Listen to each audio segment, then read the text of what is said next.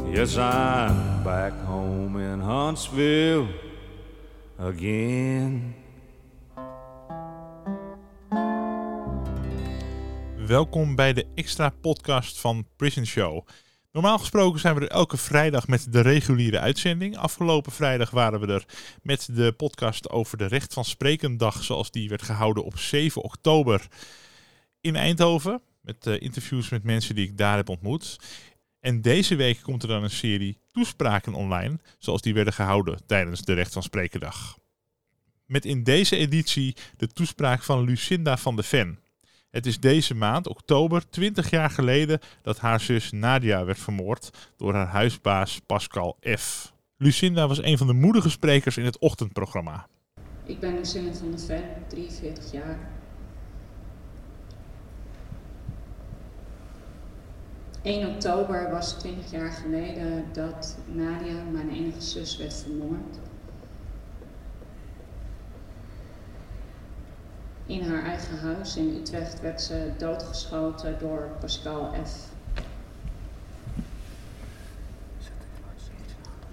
1 oktober was de dag dat Nadia haar leven eindigde. En het was ook de dag dat mijn leven onherroepelijk veranderde. Het heeft meer dan 15 jaar geduurd voordat ik daadwerkelijk kon overzien wat de gevolgen waren en zijn van Nadia haar dood. In mijn leven, in het leven van mijn ouders, maar ook in de mensen die van mijn zus hielden en nog steeds van haar houden.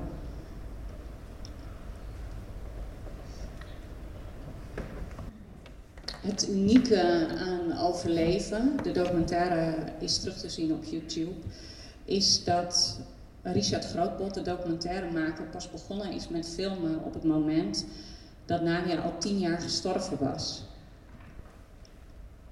Dus de rechtszaken waren achter de rug, de strafrechtszaken tenminste.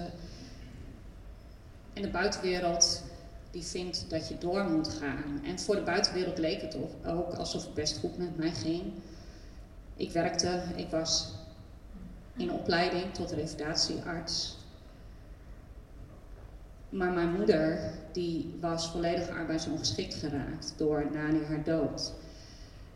En zij heeft als een van de eerste ouders van een vermoord kind de moordenaar van mijn zus aangeklaagd voor haar, voor inkomstenderving. En ze heeft een smartengeldclaim ingediend. Door haar rechtszaak is jurisprudentie geschapen, waardoor nabestaanden nu al tijdens de strafzaak hun toekomstige inkomstenderving kunnen voegen. In de tijd dat Richard begon met filmen, hij heeft ons uiteindelijk zes jaar gevolgd met zijn camera, zat ik in de ziektewet. Ik dacht dat ik een burn-out had. En als onderdeel van mijn verwerkingsproces heb ik Parels van Verdriet uitgegeven.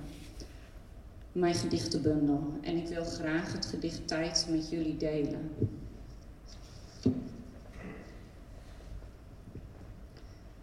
De tijd wacht op niemand. De tijd staat niet stil. De tijd tikt meedogenloos door. Jouw tijd is stilgezet. Door een mensenhand ben jij stopgezet. Time-out. Letterlijk. Voor ons tikt de klok verder, genadeloos. Het maakt ons zo machteloos. De tijd staat stil voor ons gevoel. Anderen gaan verder, leven langs ons heen. Kon ik maar zeggen stop. Voor ons is het gisteren. Iedere dag opnieuw. Jouw horloge loopt onverstoorbaar verder. Alsof er niets gebeurd is. Alsof je niet gestorven bent. Alsof je nog onder ons bent. Tijd, ongrijpbaar, wreed lot, onaantastbaar, wast zich in onschuld, verwijdert ons ruw bij jou vandaan. Iedere dag een stukje meer. Herinneringen zijn blijvend, herbeleven we keer op keer. Daar heeft tijd geen grip op. Liefde is tijdloos, neemt niet af bij het verstrijken van de dag. Tijd dringt ons door te gaan, dag aan dag. Gisteren komt niet terug. Morgen lijkt een eeuwigheid weg. We leven bij de dag. Gelukkig is tijd door mensen bedacht. Waar jij bent is geen tijd, enkel eeuwigheid. Daarom wandel je zonder moeten worden dag aan dag met ons mee, tot het moment dat onze tijd gekomen is en jij ons geduldig bij de poort opwacht.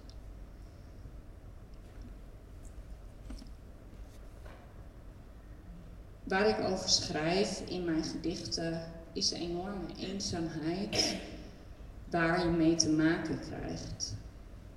Want ik mis niet alleen mijn zus, je wordt ook geconfronteerd met ongelijkheid, rechtsongelijkheid. Als nabestaande sta je nog steeds in de juridische zijlijn. En je komt in een wereld terecht waarin mijn studiegenoten zich totaal niet in mij konden verplaatsen. En die eenzaamheid, die heb ik heel lang gevoeld.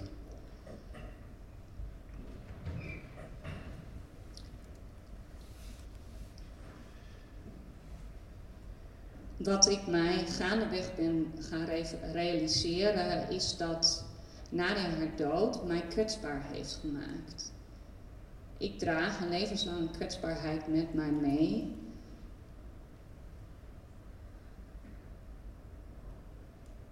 Want moord doet iets met je.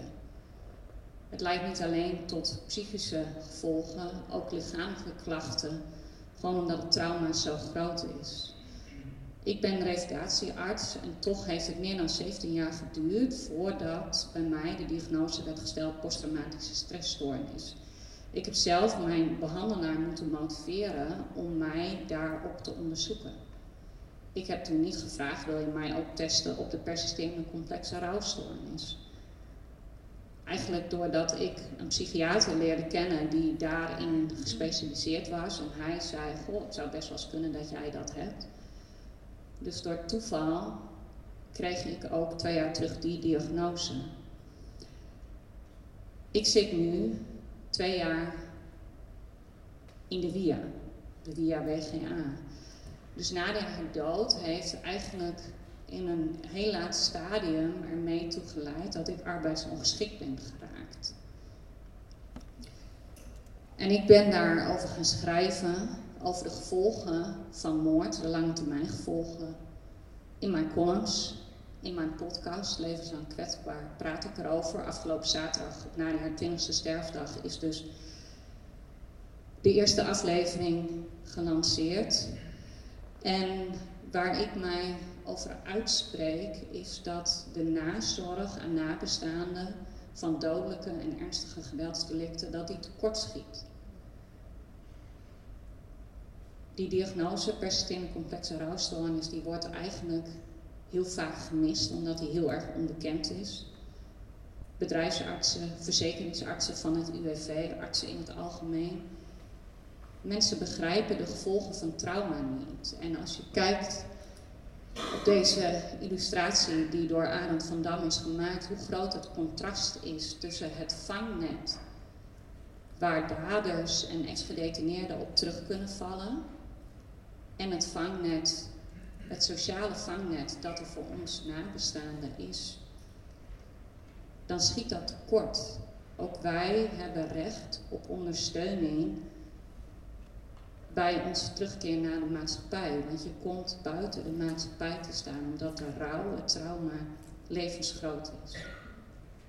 Daar praat ik over, daar schrijf ik over en ik ga daar graag met jullie over in gesprek.